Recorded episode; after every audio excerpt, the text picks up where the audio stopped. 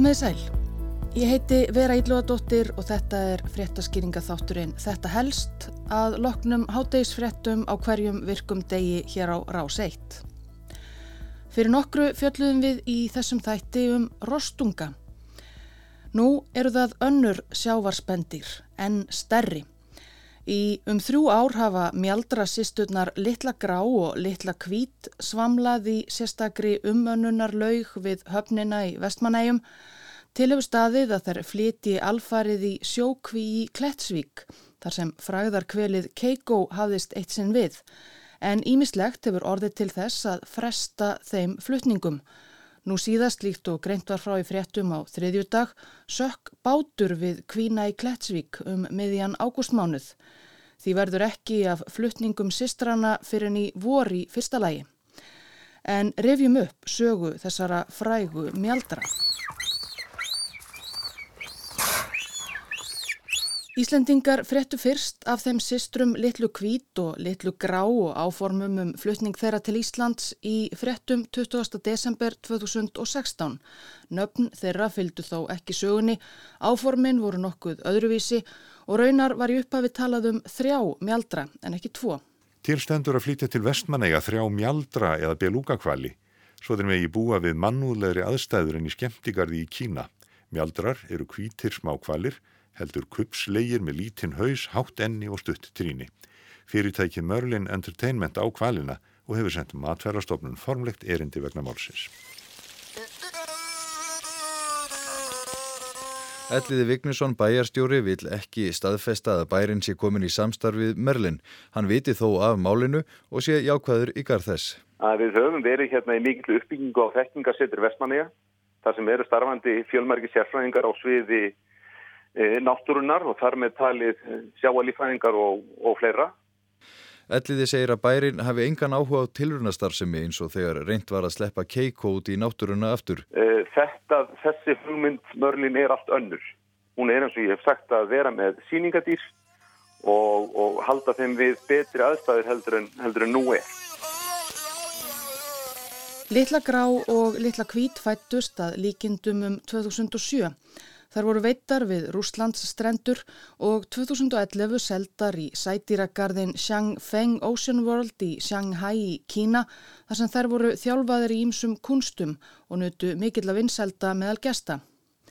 Breski skemmtanari sinn Merlin Entertainments eignaðist Xiangfeng Ocean World 2012. Fyrirtækið er á móti því að halda kvaldýr í görðum sínum var því farið að vinna því að búa mjaldrasistrunum betra líf í samvinnu við dýravendunar samtökin Sea Life Trust og kvalafræðinga og loks urðu hinn fornu heimkynni háhyrningsins Keiko fyrir valinu Klettsvík í heimægi. Hallt ár leið frá fyrstu fréttum af mögulegri mjaldra komu til Íslands þar til aftur spurðist til dýrana. 14. júni 2017 var greint frá því að bæði mast og sjávarútvegsráðuneyti hefðu gefið grænt ljós á að mjaldrar erðu fluttir til vestmanæja frá Kína og í ágúst bárust þar gleði fréttir að umhverjustofnun hefði lagt blessun sína yfir áformin að auki. Það er þó ekkert grín að flytja rísastór sjáarspendir þvert yfir hnöttin og ljósta mjaldratnir sem dvalið höfðu árum saman í haldi manna gætu ekki steift sér beint út í sjóin í Klettsvík. Í mæ 2018 gerðu Merlin Entertainment og bæjaráð Vestmanæja leigusamning um 800 þörmetra húsnæði fiskiðjunar að ægiskötu undir fiska og náttúrugripasapn sem og áformum byggingu undir aðlugunar sundlög fyrir mjaldrana þar við hliðin á. Stemt var þá að því að mjaldratnir kæmu ári síðar og undirbúningurinn fór auðvitað ekki aðeins fram í eigum.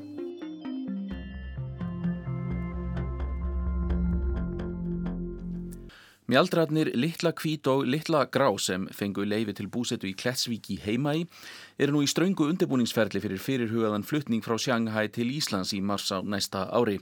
Samtökinn Sea Life Trust gaf út myndband í vikunni þar sem tilkynnt var um flutningin.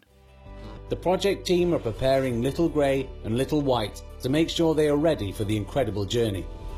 Training the whales in new behaviors, breathing techniques, performing daily exercises, medical checks, adapting their diet and water temperature, so they are prepared to travel and acclimatize for their new environment. Þjálfun mjaldrasistrana tók tíman sinn. Loks var kunngjört að Littla Grá og Littla Kvít legðu í hann til Íslands í april 2019. En kvalitnir ráku sig þá á vandamál sem er flestum vestmanneingum kund. Svona hljómaði það í hátegisfréttum útvarps mánudaginn 11. april, daginn fyrir fyrirhugaðan ferðadag. Ferðalagið verður ansi langt fyrir mjaldrana, alls rúmlega 9200 kilometrar, þar af 140 kilometrar í bíl og 75 í bát. Ferðin tekur að minnst okkurstu 20 klukkustundir og þá er tíminn sem tekur að flytja kvalina millir faratækja og talin. Gert er ráð fyrir að flugvél með mjöldurunum innan borðslendi í Keflavík klukkan hálfellefu og þriðjudag og þaðan verða þeir fluttir með bíl í Herjólf sem siglir með þá til eiga. En nú er komið babb í bátinn. Dýpið í landegarhöfn var mælt í gær og fullirðið vegagerðin að höfnin verði ekki komin í gagnið á þriðjudag, líklega ekki fyrir páska, þar sem veður spá er mjög óhagstæð. Þar að þau kér spáin fyrir þriðjudag alls ekki góð. Sankvæmt upplýsingum fréttastofu hafa umsjónarmenn dýrana áhyggjur af því að þau getur illa þólað þryggja klukkustunda ferjuferð ef slemt verði í sjóin. Littla kvít og litla grábiðu þólinnmóðar í Shanghai en það var satt að segja mikið um að vera í mjaldrafréttum á Norðurlöndunum í april 2019. This morning there's something fishy going on off the coast of Norway. Gæfur mjaldur nálgæðist norska fiskibáta við finnmörku í norði Nóri á dögunum og telja sjáar lífræðingar að hann hafi verið þjálfaður til hernaðar í Rúslandi. Belti hafi verið fest á mjaldurinn og er talið að því hafi verið ætlað að halda myndavélum eða öðrum hernaðar búnaði. Talið er að mjaldurinn hafi sloppið úr herþjálfurinni en það var ekkert fast í beltinu hans. Sjáalífræðingar fjarlæði beltið að mjaldreinum og baklið þesstendur búnaður samt í Pétursborgar. Rúsneski njósnamjaldurinn eins og hann var kallaður var í heimsfrettunum næstu dagana. Hann var með eindæmum gæfur og leik við mannfólk á bátum og við bryggjum. Að endingu var fallið frá kenningunni að hann hefði sloppið úr herrþjálfun frekar verið þjálfaður í einhvers konar skemtanaskinni en njósna mjaldurs orðsporið helst þó á honum. Norska þjóðin tók ástfóstri við kvalin og í atkvæða greiðslu Norska ríkisútarsins NRK fekk hann nafnið Kvaldimír í höfuðið á Rúslands fórseta Vladimir Putin. Nú á síðustu mánuðum hefur mörgum norðmönnum þótt þessi nafngift óviðegandi og einhverju stungið upp á að kvalurinn gæfi sem enn svamlar gladur við Norekstrendur verði einfallega kallaður Kvaldi. En á meðan norðmenn og aðrir göftu yfir uppáttækjum njósnakvalsins mynda hjælt undirbúningur fyrir komu mjaldra sistrana til Íslands áfram.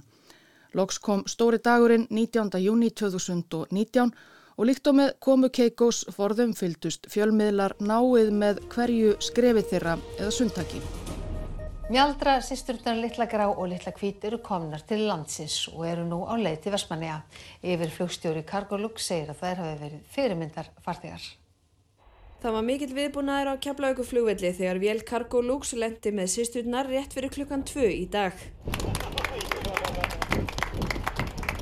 Þetta eru mjög sérstakki gæstir og þeir voru mjög stiltur og prúður alla leðina. Þeir hérna flugið gekk vel og, og þeim leið vel. Þeir voru náttúrulega kannski öllítið stressaðir fyrst en uh, svo róðust þeir niður og, og voru mjög rólegir alla, alla ferðina.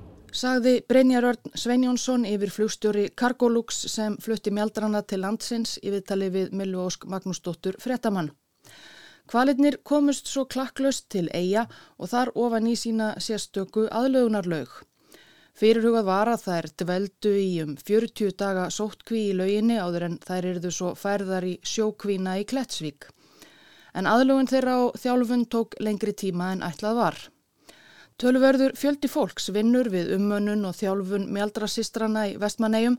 Hulda Gerstóttir tók þjálfaran Vignir Skæringsson tali í morgunútvarpi Rásar 2 í júlílokk 2020. Hvernig þjálfa maður mjald? Það er ímislegt sem maður lætur að bara gera. Maður lærir að nota líka maður til að sína þeim hvað maður vilja þeir gera. Þeir eru búin að læra ímislegt hvað þeir eru að gera þú gefið þeim alls konar merki og maður lætur að fá mat í staðin og þetta er rauninu sama fræðin sem er nótu við þetta og til að vera að þjálfa hunda. Þannig að þetta er svona kannski þetta, þetta kerfi svona jákvæð endurgjöf ef það er gera rétt að þá fá þær velu? Já, það er ákveðast kerfi, það er positive reinforcement á ennsku sem við notum. Við látum það gera ímsar æfingar eins og synda og vissar, vissum hraða og síðan bara æfingar sem þeim finnst skemmtilegt, svona, ekki beint kannski sirkusöttir er svona ímyndilegt þeim finnst gaman. En þegar það er verið að komna í Klettsvík, að, að verður þessu þá hættið að verður þetta svona smávegis aðlaða hægt og bítandi? Nei, við verðum alltaf með þær út og þurfum alltaf að þjálfa þær og gefa þarna að borða. Og... Já, þær verður ekki bara, þeim verður ekki bara styrtað þarna út í sjó og svo uh, satt bless? Nei, þær eru búin að vera það lengi manna um sjó og þær geta ekkert bjarga sér sjálfar, þannig að við munum bara hugsa um þær.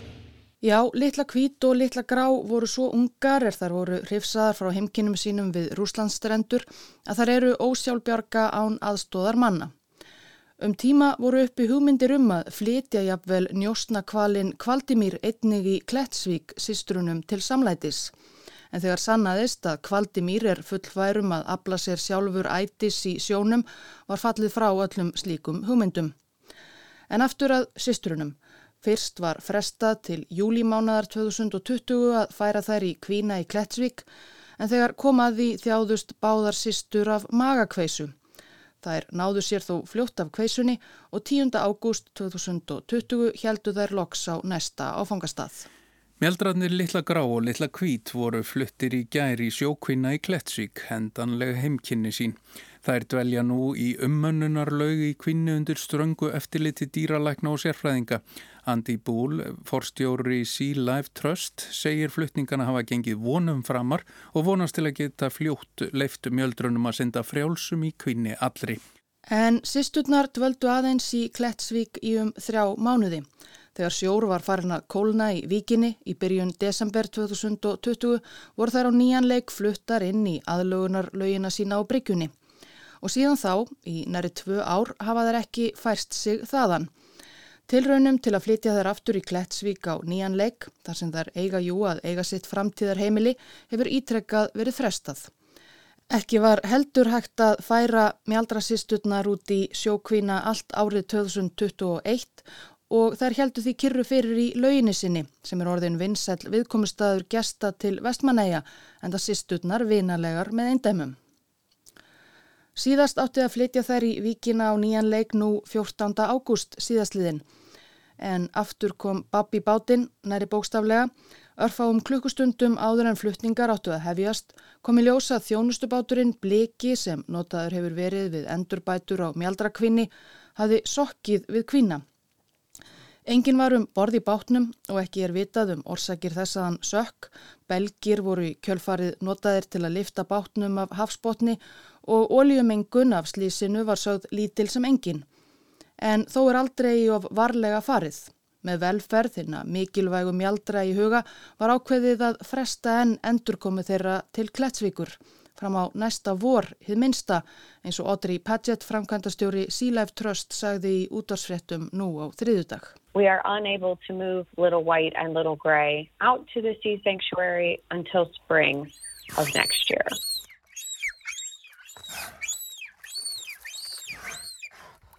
Aðdáendur mjaldrasistrana geta því haldið áfram að dásta þeim svamla um kvalalauina sína en þetta var helst af mjaldrafrettum í byli. Ég þakka þeim sem hlýtu.